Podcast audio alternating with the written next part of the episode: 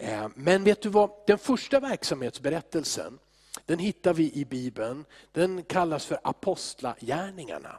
Eller hur? Det är verkligen en verksamhetsberättelse skriven, inte av en föreståndare, men av en läkare och resepartner till aposteln Paulus. Han hette Lukas. Han skrev två sådana här berättelser och de är väldigt precisa och det är väldigt tydligt att han vill verkligen berätta fakta. Det här har hänt.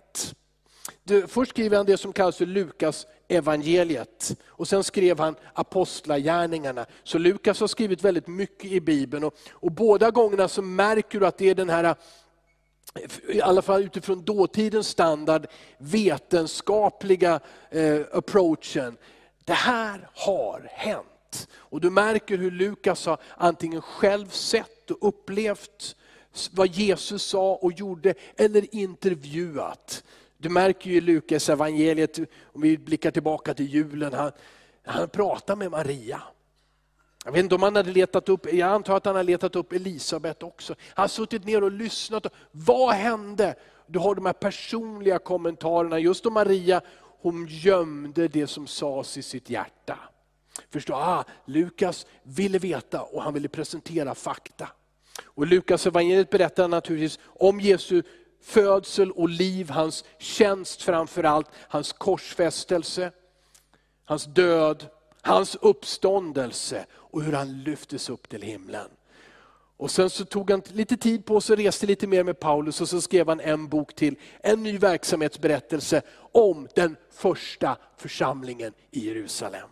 Som började med att den helige ande kom över alla som var samlade.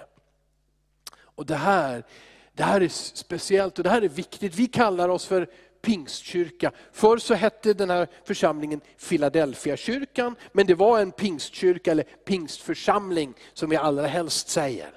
Eh, och pingst eh, det är ett ord som kommer ifrån latin.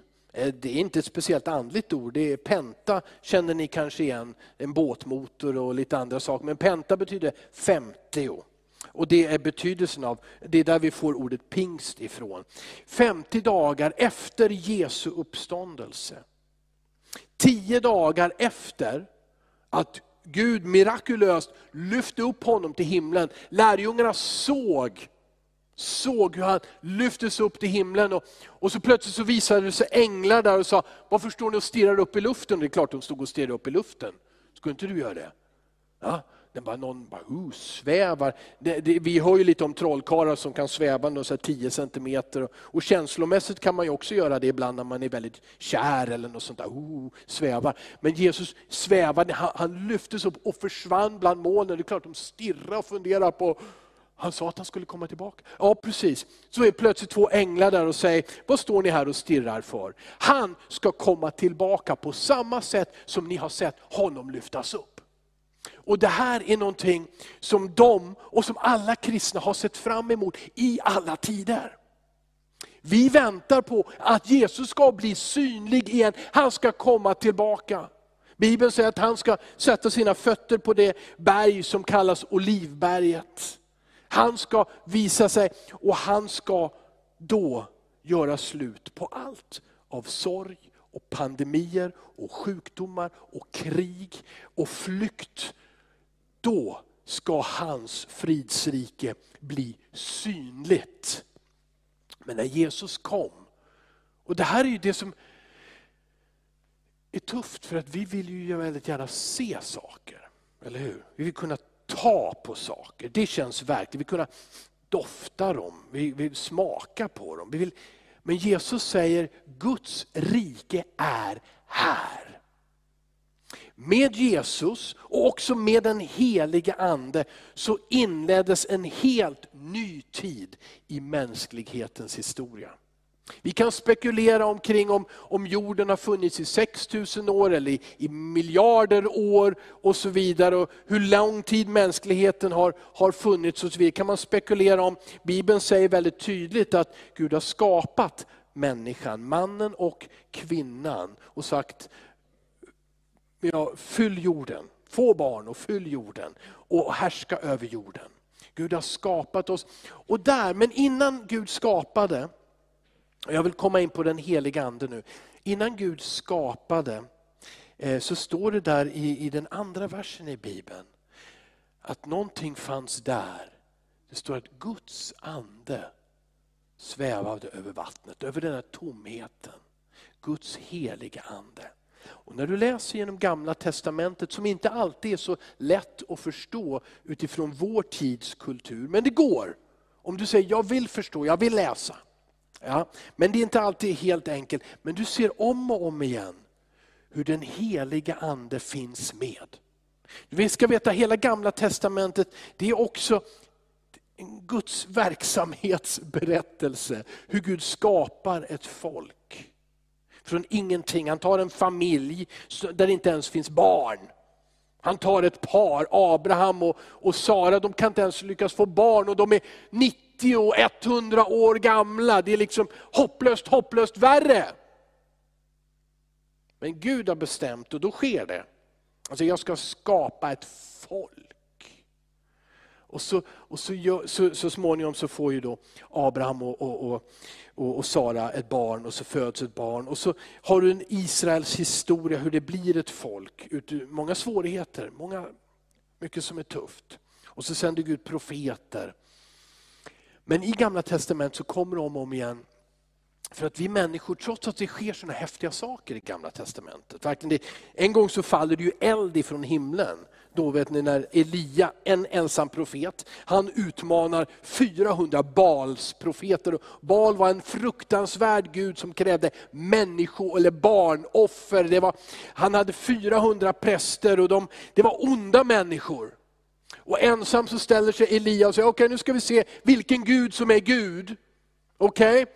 Vi, vi ber att Gud ska liksom sända eld ifrån himlen, antingen över mitt lilla altare här eller ert stora altare där. Och de här Balsprofeterna de, de dansar runt sitt stora altare och de hugger sig med, skär sig med knivar och sånt här som knäppa religioner ofta gör. För man, man vill ha någonting, ett mirakel, det måste ske någonting speciellt.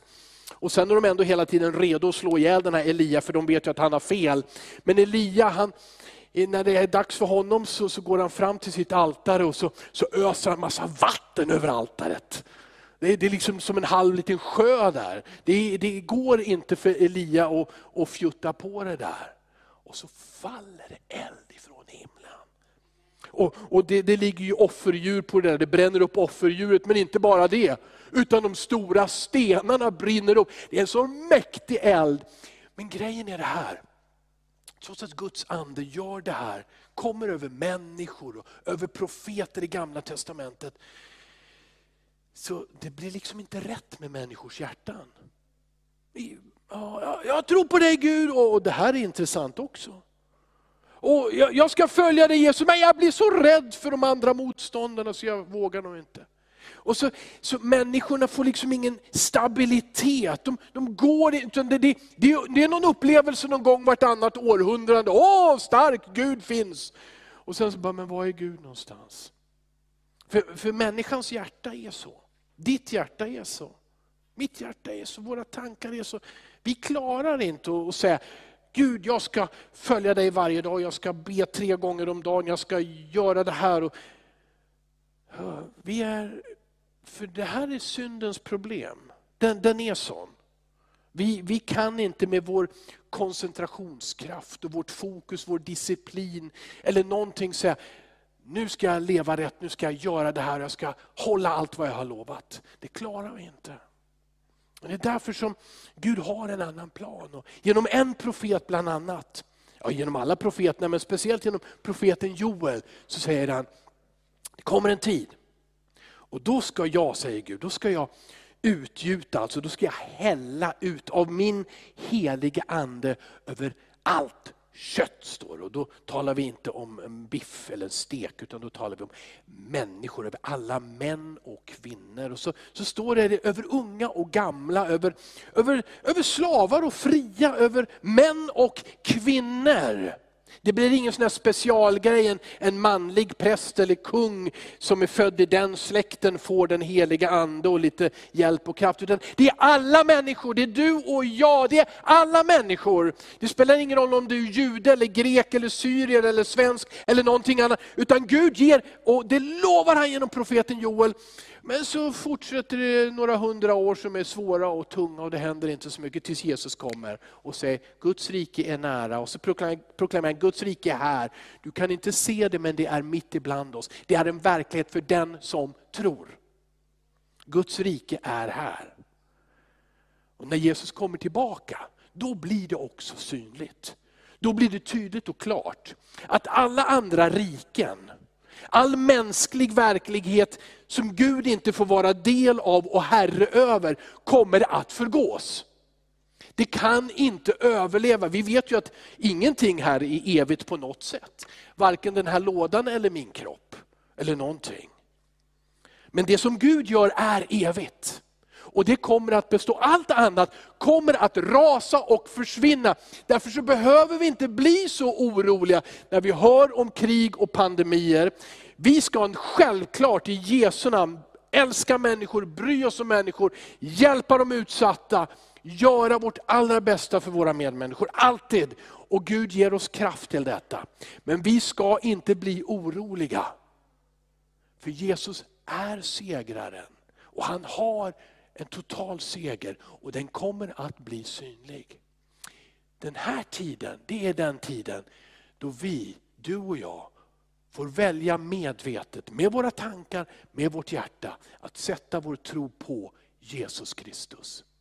Därför så skriver Lukas de här verksamhetsberättelserna, Lukas evangeliet, apostlagärningarna, för att visa, titta vad som hände. Titta vad Gud gjorde här, titta vad Gud gjorde där. Och vet du, boken Apostlagärningarna, och det här vill jag lyfta fram. Boken Apostlagärningarna den hade inget namn till att börja med. Det var liksom bara den här skriften som Lukas hade skrivit. Det tog nästan 200, 150 år, 200 år så fanns det en kyrkofader som hette Ireneus som för första gången kallade den boken för Apostlagärningarna. Och all respekt och ära åt Ireneus, men hade, hade många andra teologer varit med, då hade de nog velat ge boken ett annat namn.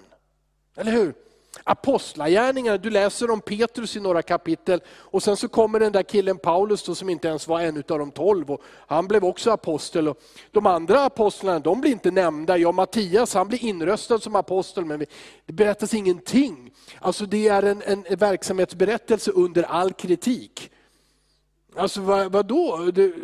berättar lite om en eller två killar, liksom. men de andra då? Och vad händer sen? Och så vidare. Men om vi vänder på det och säger det är, handlar inte om apostlarnas gärningar, vad de gjorde. Vi skulle mycket hellre kalla boken Den helige Andes gärningar.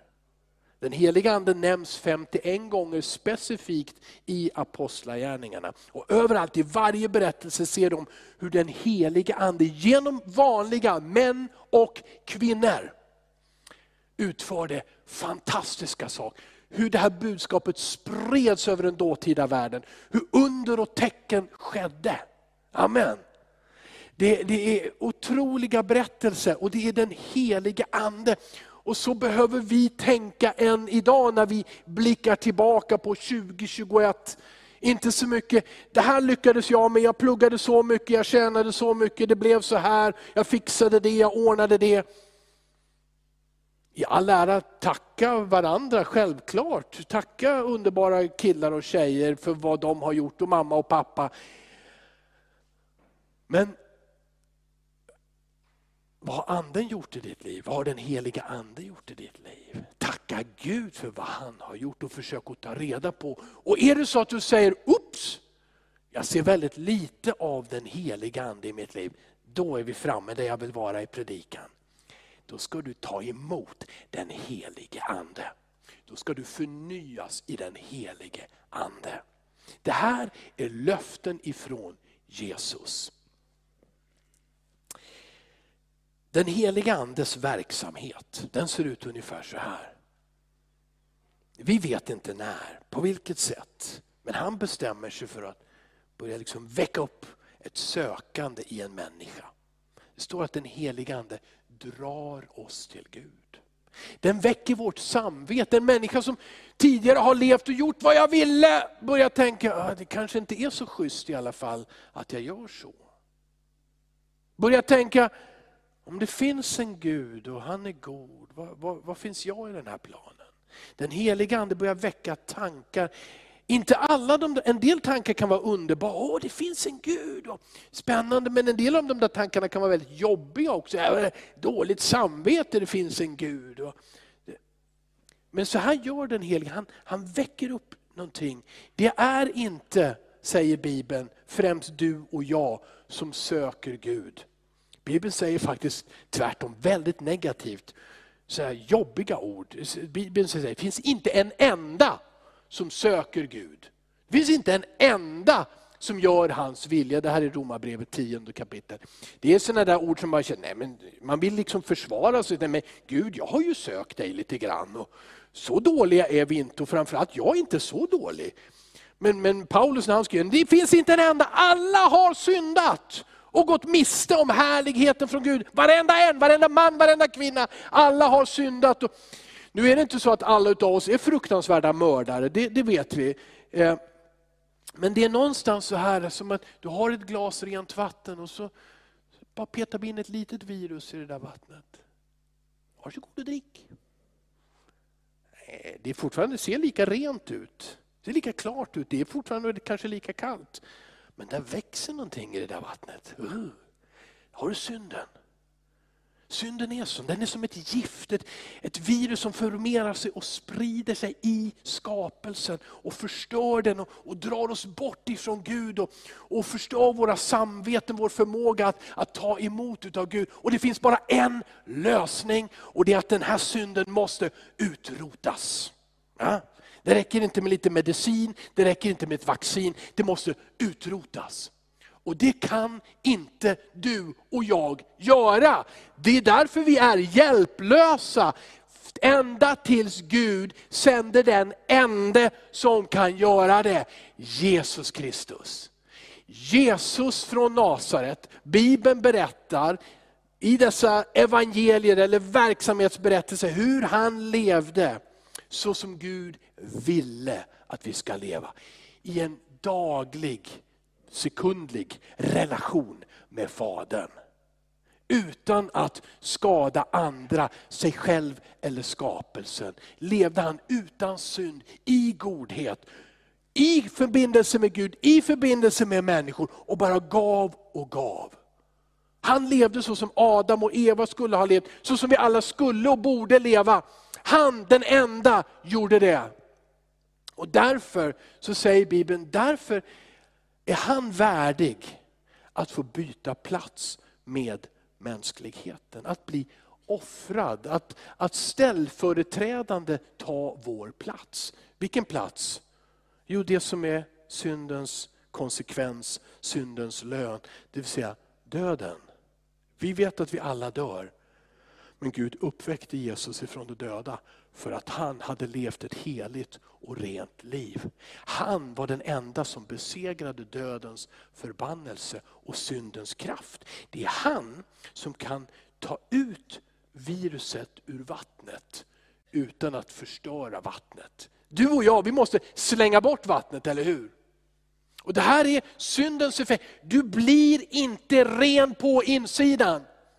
Du kan tvätta dina händer och din kropp. Men om du ska försöka skrubba bort ett dåligt samvete och synden och felen du har gjort och tankarna du har tänkt och känslorna du har. Ska du skrubba och rubba så blir du aldrig färdig.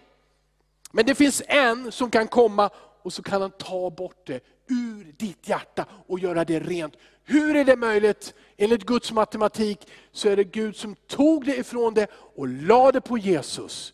Men när Jesus dör, när han tar domen för den synden, då dör också synden och syndens kraft över dig och mig. Amen. För första gången, en människa som tar emot Jesus, blir ren i sitt hjärta. Och det, här, det, här är, det här är konstigt.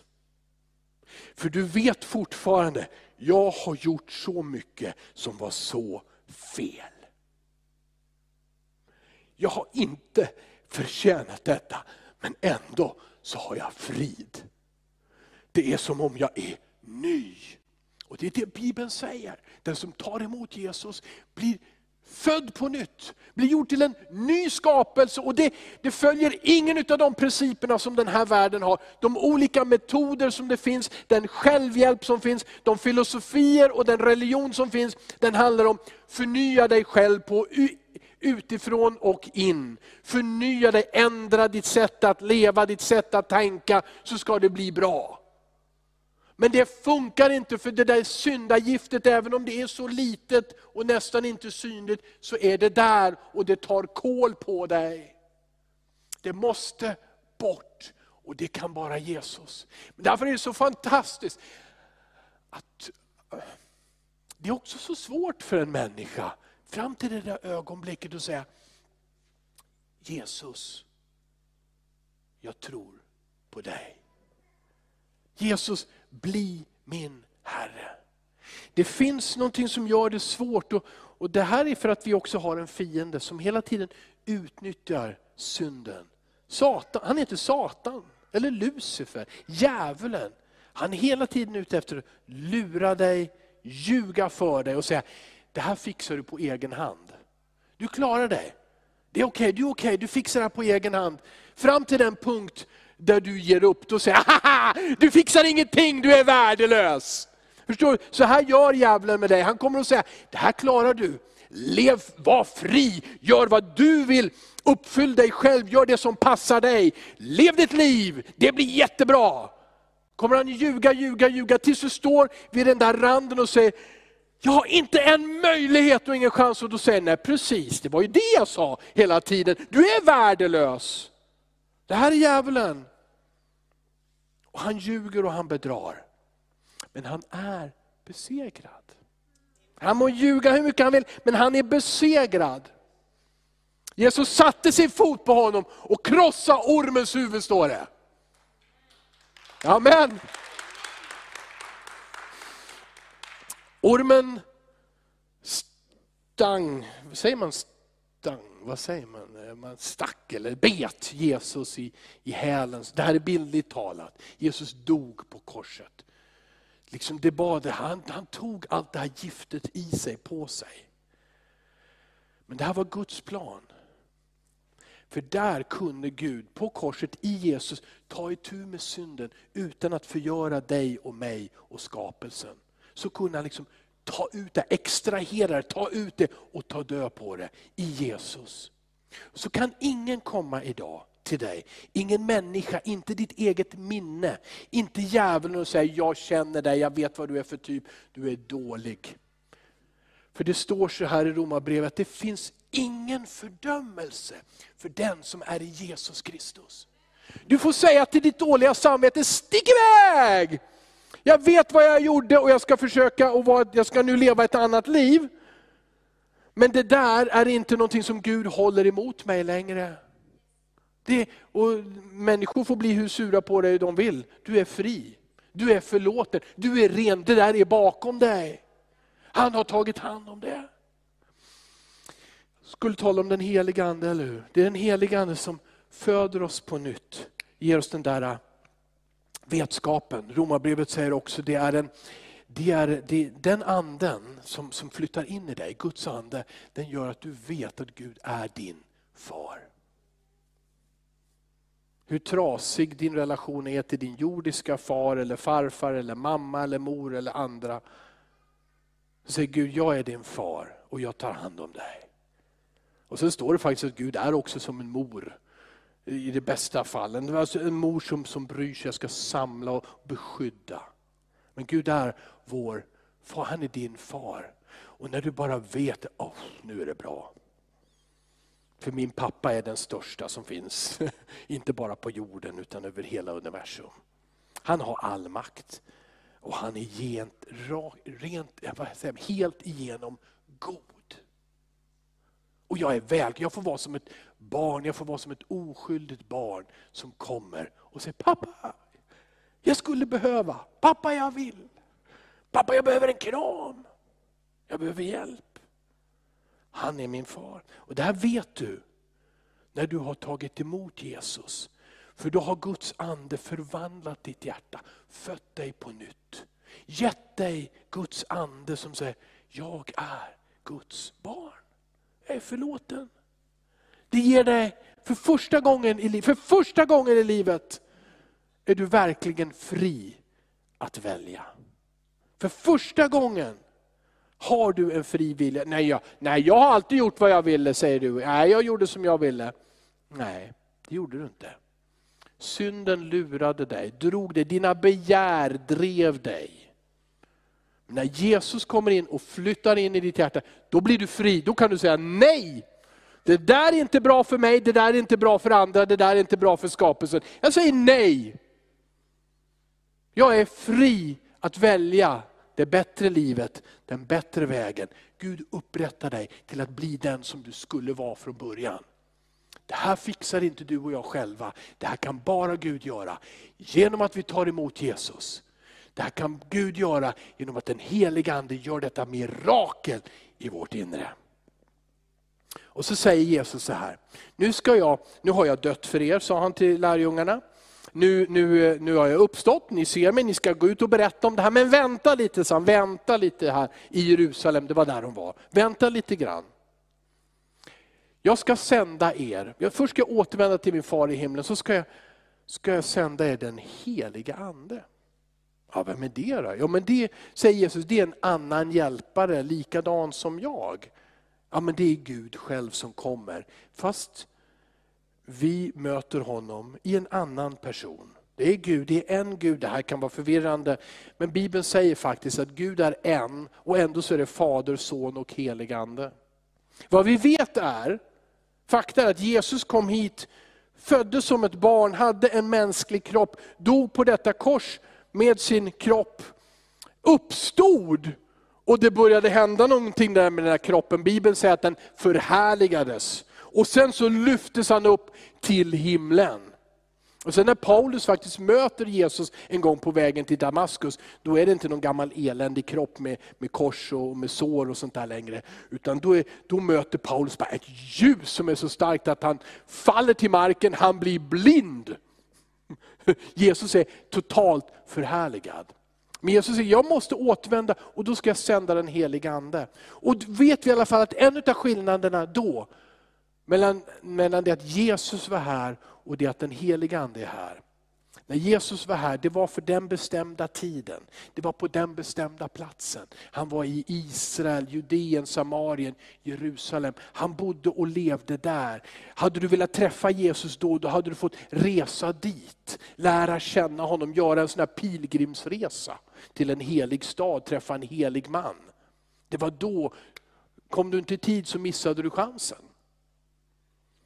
Med den heliga Ande är det annorlunda. Den heliga Ande kommer inte i formen av en mänsklig jordisk kropp, utan finns överallt. Och fyller varje människa som tar emot Jesus. Bor i den människa som tar emot Jesus. Men är Bibeln också tydlig, även om det kan vara lite diskussion kring det här, eh, när man läser Bibeln. Så säger Bibeln så här att den helige Ande flyttar in i dig, ger dig ett barnaskap, du vet att du är Guds barn, du är frälst, du är fri. Men sen vill Gud också utrusta dig och mig med kraft. Med den helige Andes kraft att vara vittnen. Jesus sa till, till lärjungarna, vara vittnen i Jerusalem, i Samari, Judeen, Samarien och till jordens yttersta gräns. Och för dig och mig så gäller det att vara ett vittne på Smedjegatan i Eskilstuna, i Sörmland, i Sverige, i Europa, i världen till dess yttersta gräns. Gud kallar dig och han ger dig kraft genom den heliga Ande. Och det här, säger, och det här, är, det här är någonting, det kan ske samtidigt, Gud gör vad han vill, när han vill. Men det handlar om någonting annat än frälsningen. Det här. Det handlar om någonting annat om att veta att du är ett Guds barn. Det här handlar om gudomlig kraft genom den heliga Ande. Och då säger Jesus, då behöver ni bli fyllda med den heliga Ande. Så säger han till lärjungarna, stanna i Jerusalem tills det kommer, den kommer som jag ska säga åt Fadern att sända. Det vill säga kraften ifrån höjden, den heliga Ande. Stanna där och vänta där. Och på pingstdagen så inleds en epok som är och pågår än idag. Det är den helige Andes tidsålder. Här och nu. Nu kommer inte den helige Ande som i gamla testamentet över en profet där, en kung där och, och han profeterar och så försvinner den helige Ande. Utan nu kommer den över män och kvinnor som tar emot Jesus och säger, här är jag, sänd mig, låt mig tjäna dig. Och Gud utesluter inte en enda människa. Släpp alla tankar på att det är de utbildade. Det är de som vet mycket. Det är de som har gått i kyrkan ofta. De har förtjänat det. Ja men det blir bra. Uppskatta vishet och kunskap. Uppskatta det som människor samlar på sig. Men döm inte ut dig själv så jag är för ung, jag är för dum, jag är för liten, jag är för någonting annat. Den Gud, samma Gud som frälser dig. Han vill fylla dig med den heliga Ande. Och Paulus skriver i Efesierbrevet 5.18, låt er fyllas, låt er fyllas om och om igen. Förnyas i den helige Ande. Ja. Gud vill inte att det ska vara torrt i ditt liv. Han har ingen plan om att det ska vara svårt att samtala med honom, jobbigt att be. Han har ingen tanke på att du ska gå förvirrad och inte veta vad du ska göra med ditt liv. Han har frid för dig, han har glädje för dig, han har kraft för dig, han har frimodighet för dig. Och ofta, väldigt ofta så ser du när du läser i Bibeln om den heliga Ande, så påverkar det hur vi talar och vad vi säger. Och hur vi, hur vi talar. Det kommer en frimodighet att vittna om Jesus. Det kommer också profetiska budskap genom människors mun som har tagit emot den heliga Ande. Och någonting som kommer om och om igen, det är att man börjar tala främmande språk. Tungotal. Det här är ett tydligt och klart tecken på att du har blivit döpt i den helige Ande. Om du läser verksamhetsberättelsen som kallas Apostlagärningarna. När människor blev fyllda av den heliga Ande så började de tala främmande språk. Det står så här på pingstdagen. De var samlade, 120 stycken kristna, för att be. De trodde på Jesus, de var frälsta. Men då kom den heliga Ande. Det började så här, det, har, man sa, det hördes som ett dån, som av en stormvind över Jerusalem. Inte bara där i det lilla huset, den lokalen. Utan det var så högt att människor i tusentals kom springande från hela stan. Vad är det som händer? Vi hör ett dån, som om det skulle vara en stormvind. Men uppenbarligen så var det ingen storm i Jerusalem den dagen. Och så står det i det rummet där de 120 män och kvinnor i olika åldrar var samlade. Så föll den heliga ande och de såg eld. De såg eld som brann. Och den det fördelade sig över människors huvuden, brann, det står som tungor av eld över alla som var där. Och så står det att de började tala främmande språk. Och där började de prisa Gud, det här ledde till lovsång. De började tala om alla fantastiska saker. Förstår du, det var inte Petrus bara.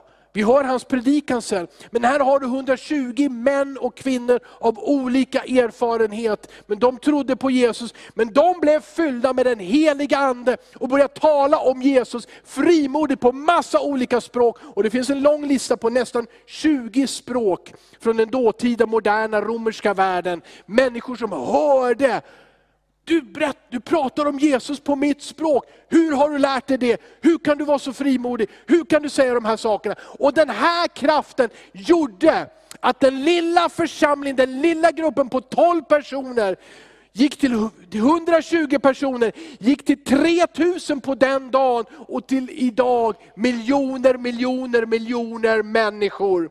Den här kraften, frimodigheten, och den behöver du och jag idag. Och Jesus, det här är ingen nyhet, Jesus är på väg tillbaka. Amen. Vem, ingen, inte ens om vi är gamla har vi hört talas om en pandemi på det sättet. Det har funnits hemska pandemier, pester hette det förr, farsoter i världen där massor med människor har dött. Men ingen gång i historien har nyheterna spridit sig så här snabbt från det ena landet, från den ena kontinenten till den andra. Aldrig har restriktioner lagts över en hel värld. Aldrig har det registrerats allt om oss på datorer och så vidare. Det sker saker idag som vi aldrig har sett för. Saker går snabbt, nyheter reser snabbt och saker kan förändras sådär. Och du vet det, vi håller på att skaffa, framförallt Sverige, vi svenskar, avskaffa kontanter. Ja, ja vi det behöver inga kontanter. Allt på en liten dator, en telefon. Och det blir jättepraktiskt sen att få det inopererat som ett chip eller någonting annat. Det är, ja, det där gör vi och det är inte svårt.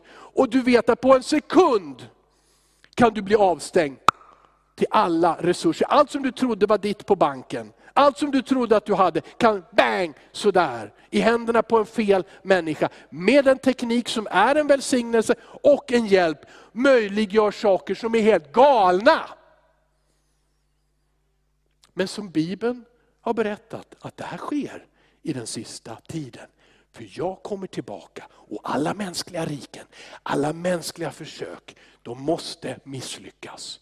För det finns bara ett rike som är evigt och det är Jesu rike. Och där måste du ha ditt medborgarskap. Där! Och det är inte i närheten av hur svårt det är som att bli medborgare i Sverige. Söka asyl, knacka på, bli frustrerad, vänta på svar, inte få något svar. Försöka igen, försöka igen, bli utvisad en gång till, två gånger, tre gånger, hit och dit, fram och tillbaka. Få stanna och sen vänta många, många år på medborgarskapet. Medborgarskapet i himlen det heter Jesus. Du säger Jesus med din mun, ifrån ditt hjärta, jag behöver dig Jesus. Och pang! Du är inte bara medborgare i ett land, du är en familjemedlem. Du är en bror, en syster, ett son, en dotter. Det här gör Gud och han sviker dig aldrig. Han behöver inte skicka in några amerikanska marinsoldater för att rädda dig. Han sänder änglar. Och han är med dig genom den heliga Ande. Och du och jag behöver 2022 den heliga Ande. Och vi behöver vara en pingstförsamling som är fylld av den heliga Ande som vittnar om Jesus, som läser Bibeln mycket mer än jag har citerat, jag har citerat den fritt idag. Men jag har inte läst den för er. Men vi läser Guds ord, vi följer Guds ord, vi söker Guds hand och säger, Gud vad vill du? Eller hur Hiba, som du sa, vad är målet för det här året? Jag vill göra din vilja Gud. Då behöver jag din vägledning, den får jag från ordet och från den heliga Ande. Vi som församling behöver det. Ska vi göra det här, ska vi göra det här, kan vi göra mer utav det? Jag börjar bli lite trött, säger du. Ja, men det blir vi ibland. Men låt oss söka den helige Ande, om och om igen. Om och om igen, den helige Ande, kom helige Ande. Halleluja, amen. Ska vi be att vi fylls av den helige Ande. Amen, underbart. Tack gode Gud i Jesu namn. Då är det så här, vad, vad behövs? Har du tagit emot Jesus är du frälst, det är det viktiga. Det är första kriteriet för att bli fylld med den helige Ande. Har du tagit emot Jesus, bekänt honom i tro. Var frimodig och be om den helige Ande. Har du inte tagit emot Jesus, undrar du, har jag verkligen tagit emot Jesus? Jag vet inte. Ja, men säg det nu då. Då ber jag så här, kära Jesus, jag behöver dig. Förlåt mig min synd. Gör mig till ditt barn. Jag vill följa dig. Amen. Lämna ditt liv till Jesus. Låt honom tala om för dig hur mycket han älskar dig. Att det finns en framtid för dig som är helt otrolig. På den här jorden och framförallt i evigheten. Sen är det Jesus som döper oss i den heliga Ande. Om du har blivit frälst så ska du också bli döpt i vatten. Det kan jag göra, det kan vi göra. Vi kan döpa dig i vatten. Men det finns något som bara Jesus kan göra. Han kan döpa dig i den heliga Ande. Och då bara ber du, fyll mig med den helige Ande. Döp mig i den helige Ande. Jag behöver den här kraften. Jag vill samarbeta med dig. Jag vill göra din vilja. Och då måste du leda mig och vara med mig. Fyll mig med den heliga Ande. Come on, fyll mig med den heliga Ande. Fyll mig med den heliga Ande. Förnya mig i den heliga Ande. Herre, vi ber om din heliga Ande, Herre. Halleluja, i Jesu namn. Jag ber alla som vill ta emot den heliga Ande att ni ställer er upp. Och vill ni bli förnyade i den heliga Ande får ni också gärna stå upp, ni som är i salen eller hemma. Ni som vill ta emot och bli döpta i den heliga Ande. Ställ er på er, på er plats. Halleluja Herre. Vi står upp inför dig Herre. Vi står, ni som vill bli förnyade, känner att jag har inte talat i tungor på många månader. Jag har liksom eh, försakat det där, jag har inte tagit hand om den där relationen. Ställ dig upp och ta, bli förnyad i den heliga Ande. Och så vill jag nu be dig att öppna dina händer. Det här är symboliskt, men du har fått din kropp och vi gör så. Vi gör mot Herren. Öppna dina händer som om du är redo att ta emot en gåva. Han kommer inte lägga en tung sten i dina händer. Han fyller ditt hjärta med den helige Ande. Halleluja. Det här, han ger dig, det är en gåva. Därför Herre, tack Fader. Herre, fyll oss med den helige Ande. Fyll oss med den helige Ande. Halleluja. Och nu är det så här att nu vill Herren då visar dig också att han döper dig i den heliga Ande. Då kommer han ge dig ett nytt språk eller så förnyar han dig i ditt tungotal som det också heter. Så säger du, ja, men nu, ger jag allting till mig. Och, och du vet, det, bland det sista som vi ger till en annan människa, det är vår, makten över vår tunga. Vi vill kunna säga vad vi vill och vi snackar ofta illa om andra och vi gör allt möjligt med vår mun och vår tunga. Men nu så är det så att Jesus vill vara din Herre. Han vill vara din Herre och han vill att det som kommer ut ur din mun, det är goda ord. Och det är sånt som bygger upp människor och prisar Gud. Så nu vill han bli Herre över hela ditt hjärta, över din tunga, över hela dig. Och du bara säger Herre, ta över. Ta över, fyll mitt hjärta. Ge mig detta nya språk. Halleluja, i Jesu namn. Och nu, nu kommer det här börja hända i flera utav er och då, då kan det bara flöda på kanske. Oh, du säger wow, det här, är, det här är något konstigt och något nytt. Men då bara säger släpp fram det här. Men det kan också vara så att du bara får ett främmande ord. Och jag sa ju det, Bibeln sa ju det här är främmande ord, det är främmande språk, det är ingenting du har lärt dig i skolan. Så du kan inte känna igen dig. Så det är naturligt om du säger, det här var konstigt, jag kan inte säga det här ordet. Jag fattar ingen människa, de tycker att jag är galen i pingstkyrkan. Men nu ska du tro. tro. Det är din tro på Jesus som frälste dig och det är genom tro som du tar emot den heliga Ande. Så tro i ditt hjärta och så bara var redo och så börja tala. Bara börja tala. Herre vi ber Herre, vi behöver dig heliga Ande, vi ödmjukar oss inför dig Gud vår Fader. Du som är så god, du har gett oss din egen son och du har gett oss den heliga Ande. Du har frälst oss och förnyat våra liv Herre. Du har förvandlat oss Herre, gjort oss rena, gjort oss till medlemmar i ditt folk, barn i din familj. Vi tackar och vi prisar dig, halleluja! Herre, och jag tackar dig för att din heliga Ande är ingen okänd varelse, ingen konstig energi.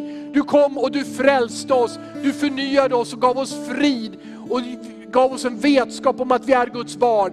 Vi behöver din kraft 2022. Vi behöver din kraft idag Herre. Fyll oss, jag ber dig, fyll oss Herre. Herre, ta över våra hjärtan, våra tankar, vårt tal, allt, hela vårt varelse Herre. Ge oss de gåvor som du vill ge. Det står att du ger många andra gåvor för att utrusta ditt folk och varje kristen. Herre, kom över oss med den heliga Ande, jag ber dig. Halleluja, och låt allt folk prisa Herren. Börja prisa honom. Halleluja, där du står, där du sitter, där du har börjat prisa Jesus. Tala om för honom hur mycket du älskar honom. Men låt de där andra orden också komma fram. De där du inte riktigt vet vad du säger, men den heliga Ande talar igenom dig. Ge honom frihet. Bara prisa Jesus, bara tacka honom. Tack Herre för din frälsning.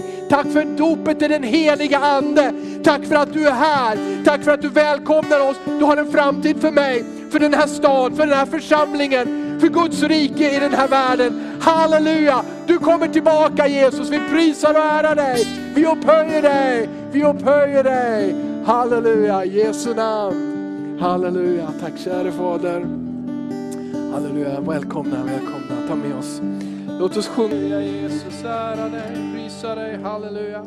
Det här är ett steg, vi behöver gå in, vi går nu in i en frihet i våra gudstjänster, en frihet över 2022 där den heliga Ande får leda oss. Jag måste ändå hålla lite av ordningen och därför säger jag, är ni föräldrar som har barn nere på, på vinterkul så bör en förälder gå och hämta sitt barn för deras skull där nere. Okay?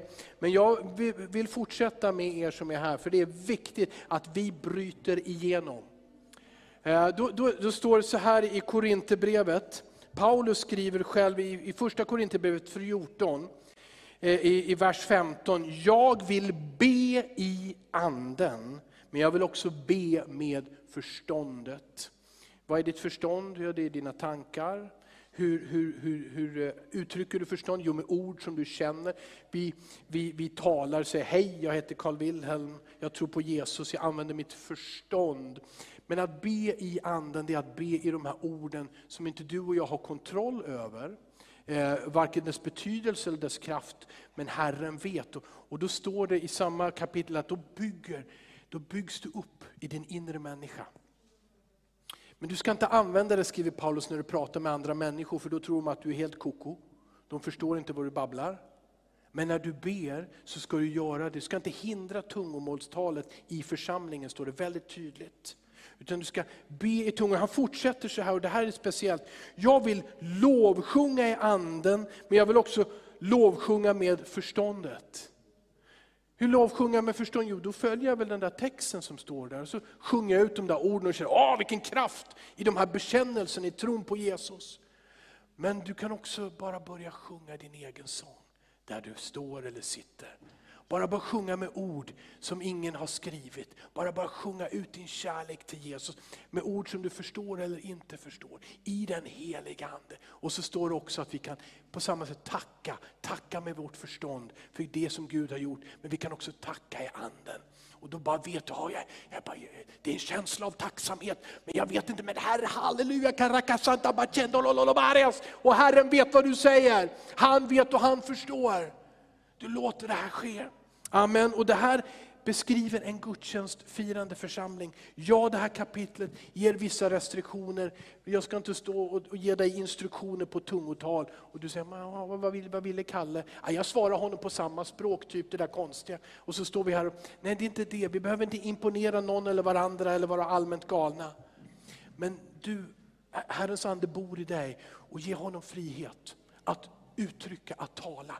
För den heliga Ande som nu bor i dig och har fyllt dig, han känner dina tankar, han känner din bakgrund. Han vet mycket bättre om dig, mycket mer om dig än du vet själv. Han kan hela, han kan föra fram kraft och gåvor som du inte hade en aning om. Den, låt den heliga Ande ha kontroll över din tunga, över ditt hjärta, över ditt liv. I våra gudstjänster, låt oss följa honom och låt det vara en frihet här. Och då står det så här, Eh, då står det så här, när ni samlas, vers 26, när ni samlas, då har var och en något att ge.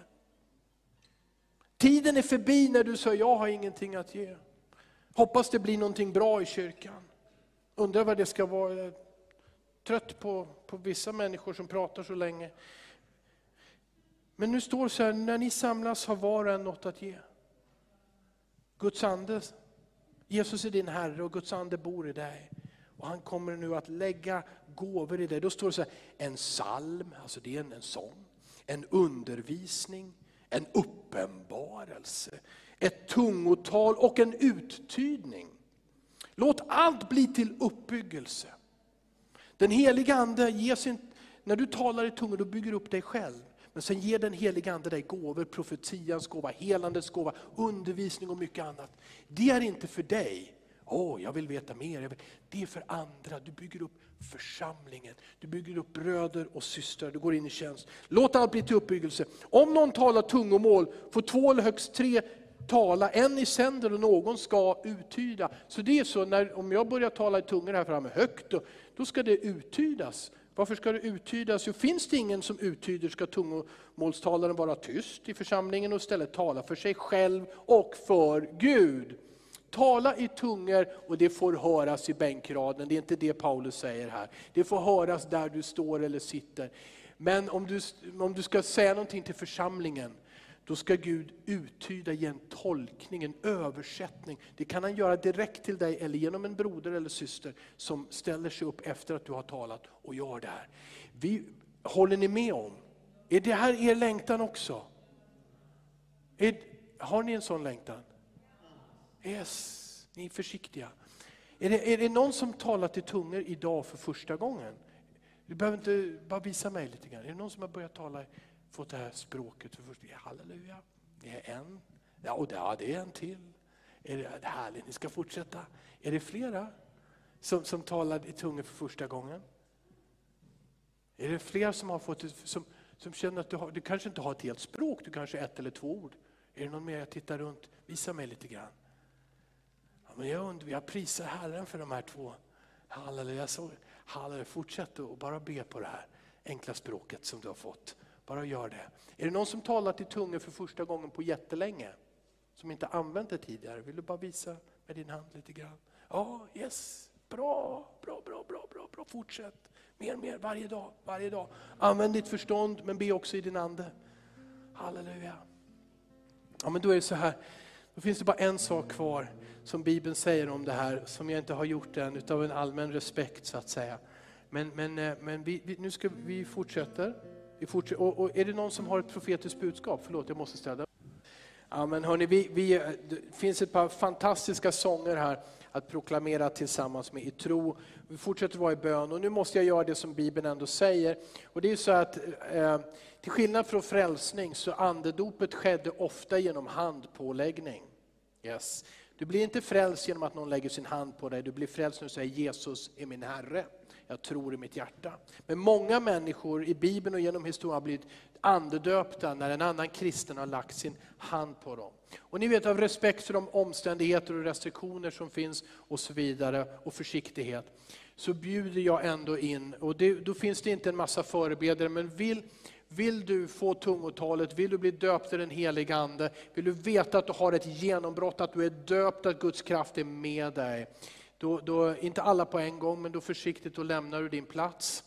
Och så går vi in i sidosalen där och så håller vi den här dryga meterns avstånd till alla andra människor. Och blir vi för många då, då, då, då styr vi upp det där lite grann tillsammans. Så att vi inte gör någonting som vi inte ska. Men vi vill göra det vi ska. Och eftersom Bibeln har sagt lägg händerna på den som vill bli andedöpt så vill jag göra det. Och är det någon av pastorerna och missionärerna och församlingsledarna som, som, som vill hjälpa mig så, och känner den friheten, då gör du det. Amen. För vi ska, allt är möjligt för den som tror. Amen. Det var det, det, var det Rebecka sa, om vi tror, om vi tror, om vi tror, om du tror, om du vill, om du tror, om du tror, så ger Herren, han ger och han ger i överflöd. Han vill att du ska ha mer. Amen. Låt oss, nu vet ni tydligt och klart. Amen.